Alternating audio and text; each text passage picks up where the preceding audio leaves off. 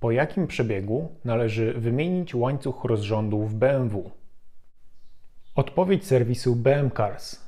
Producent nie przewidział wymiany łańcucha w samochodach BMW po określonym przebiegu.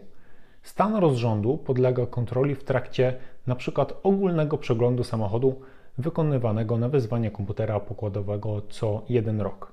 Jeżeli pojawią się jakiekolwiek odgłosy z pracy rozrządu, grzechotanie, stukotanie i tym podobne, szczególnie na ciepłym silniku, należy niezwłocznie zgłosić się do serwisu w celu przeprowadzenia szczegółowej diagnozy. Eksploatacja samochodu w takim przypadku może doprowadzić do uszkodzenia silnika. Inaczej to ujmując, łańcuch rozrządu nie podlega wymianie niezależnie od modelu BMW na 100 km.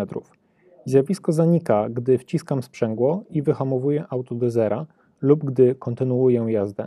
Ostatnio profilaktycznie wymieniłem filtr paliwa i zero efektu. Co to może być? Czy te dwa efekty to dwie różne rzeczy, czy są one powiązane?